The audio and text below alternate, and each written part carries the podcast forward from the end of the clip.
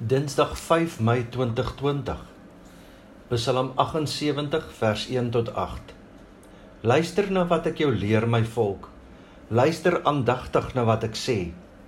Ek gaan 'n gedig voordra. Ek gaan julle inlei in geheimenisse uit die verre verlede.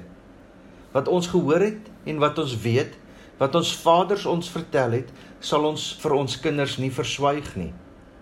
Ons sal aan die volgende geslag vertel van die roemryke dade van die Here en van sy mag, van die wonderdade wat hy gedoen het. Hy het aan Jakob sy voorskrifte gegee, aan Israel sy onderwysing. Hy het ons voorvaders beveel om dit aan hulle kinders bekend te maak, sodat die volgende geslag dit kan weet en die kinders wat nog gebore sal word, dit weer aan hulle kinders kan vertel. So sal hulle dan op God vertrou en nie vergeet wat hy gedoen het nie maar gehoorsaam wees aan wat hy beveel het en nie wees soos die voorvaders nie. Die was 'n opstandige en 'n ongehoorsame volk, 'n onbestendige geslag wat nie aan God getrou was nie.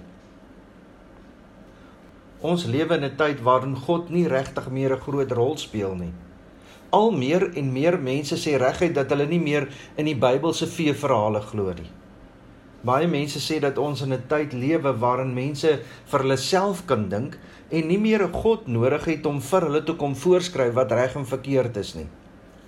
Verder sê hulle dat die kerk eintlik deur die eeue net 'n instrument van die magtiges was wat die gespuis, die dommes, die werkermure in lyn kon hou.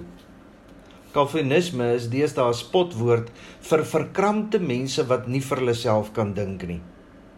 Kerk word gesien as 'n plek waar skynheilige mense bymekaar kom om hulle geestelike maskers af te stof en om dan die wêreld in te vaar en hulle geestelikheid te misbruik om ander in te loop. Het jy nie al 'n kriweling in jou nek gekry wanneer jy 'n kwotasie ontvang met 'n teksversie onderaan nie? Is hierdie ou geestelik of skelm? En ja, die probleem lê wel by die Christene. Hulle oordeel en veroordeel mense rondom hulle terwyl hulle self in die skadu's rond beweeg. Fokus op ander se foute want dan sien hulle nie myne raak nie. Voordat ons die wêreld gaan verander, moet ons miskien net weer by onsself begin. Wat en wie is God in my lewe? Dit is die enigste vraag wat ons vanoggend vir onsself moet vra en moet antwoord. Vergeet die massas, vergeet die korrupsie, vergeet die haat onthou, onthou eers weer wie God vir jou is. Wanneer laas het jy 'n ordentlike gesprek met God gehad? Nie 'n preekie of 'n dagstukkie van iemand anders nie. Wanneer laas het jy met God gesels, net oor jou hart? Nie oor alles wat hy moet kom regmaak nie. Meeste van die goed het ons buitendien self gebreek, net oor jou hart. Wie is God vir jou? Luister na wat ek jou leer my volk. Luister aandagtig na wat ek jou sê. Ek gaan 'n gedig voordra. Ek gaan julle inlei in die geheimenisse uit die verre verlede, wat ons gehoor het en wat ons weet, wat ons vaders ons vertel het, sal ons vir ons kinders nie verswyg nie. Is dit nie presies hoekom hierdie wêreldjie van ons uitmekaar uittuimel nie? Mense weet nie meer wie God is nie. Toets gou jou gesin. Hulle ken nie eers meer die Bybel nie. Dis skrikwekkend hoe min kinders weet watter van die boeke van die Bybel in die Ou Testament en watter in die Nuwe Testament is. Hulle sal nie eers Romeine kry as hulle nie eers die inhoudsopgawe oopmaak en dit daarin soek, die bladsynommer kry en dit dan gaan soek nie. Wat weet jou gesin van die Bybel? Wel net dit wat jy vir hulle leer. Wat weet hulle van God? Net wat jy vir hulle leer. Hoe gaan jou kinders na God toe draai en hulle ware hulp by God gaan soek en volkome vir God vertrou in hierdie tyd en ook vorentoe as jy dit nie vir hulle geleer het nie? Wat ons gehoor het en wat ons weet, wat ons vaders ons vertel het, sal ons vir ons kinders nie verswyg nie. Jy kan nie vir God vertrou vir uitkoms in hierdie dae as jy nie weet dat hy nog altyd uitkoms gegee het nie. Die Bybel wys vir ons dat God nog altyd betroubaar was. Glo jy en jou kinders dit met oortuiging? In die vorm van stories het ouers vir hulle kinders van God vertel en so is kinders geestelik gevorm. Vers 4. Ons sal aan die volgende geslag vertel van die roemryke dade van die Here en van sy mag, van die wonderdade wat hy gedoen het. as jy dit nie oor en oor gehoor het of oor en oor aan jou kinders vertel het nie, hoe sal hulle dit kan glo? Ouers is beeldhouers. Ouers het die verantwoordelikheid om die beeld van God in hulle kinders te help herstel.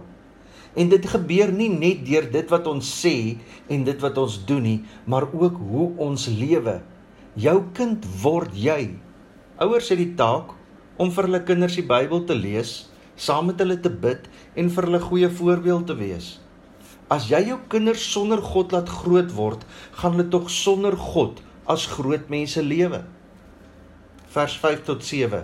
Hy het ons voorvaders beveel om dit aan hulle kinders bekend te maak, sodat die volgende geslag dit kan weet en die kinders wat nog gebore sal word, dit weer aan hulle kinders kan vertel. So sal hulle dan op God vertrou en nie vergeet wat hy gedoen het nie, maar gehoorsaam wees aan wat hy beveel het. Waar dit nie gebeur nie, leef mense ongehoorsaam, word mense opstandig teen God en vertrou mense dood eenvoudig net nie meer op hom nie. Want hulle ken nie meer vir God nie. Hulle hoor nie meer van sy wonderdade nie.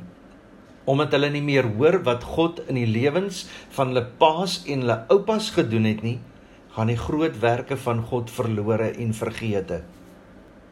Word God vir ons kinders 'n veraf God? 'n God van die verlede, 'n oudtydse God, 'n God van die Bybelse tyd, 'n God wat nie meer regtig vandag saak maak nie, wat nie meer iets kan doen in vandag se tyd nie, omdat ons dit nie meer vir ons kinders vertel nie, omdat ons kinders nie meer hoor wie God is nie. Jy as ouers se taak is om deur die inhoud van die Bybel jou kind te vorm soos 'n beeldhouer 'n beeld vorm. Kinders is die produk van hulle opvoeding.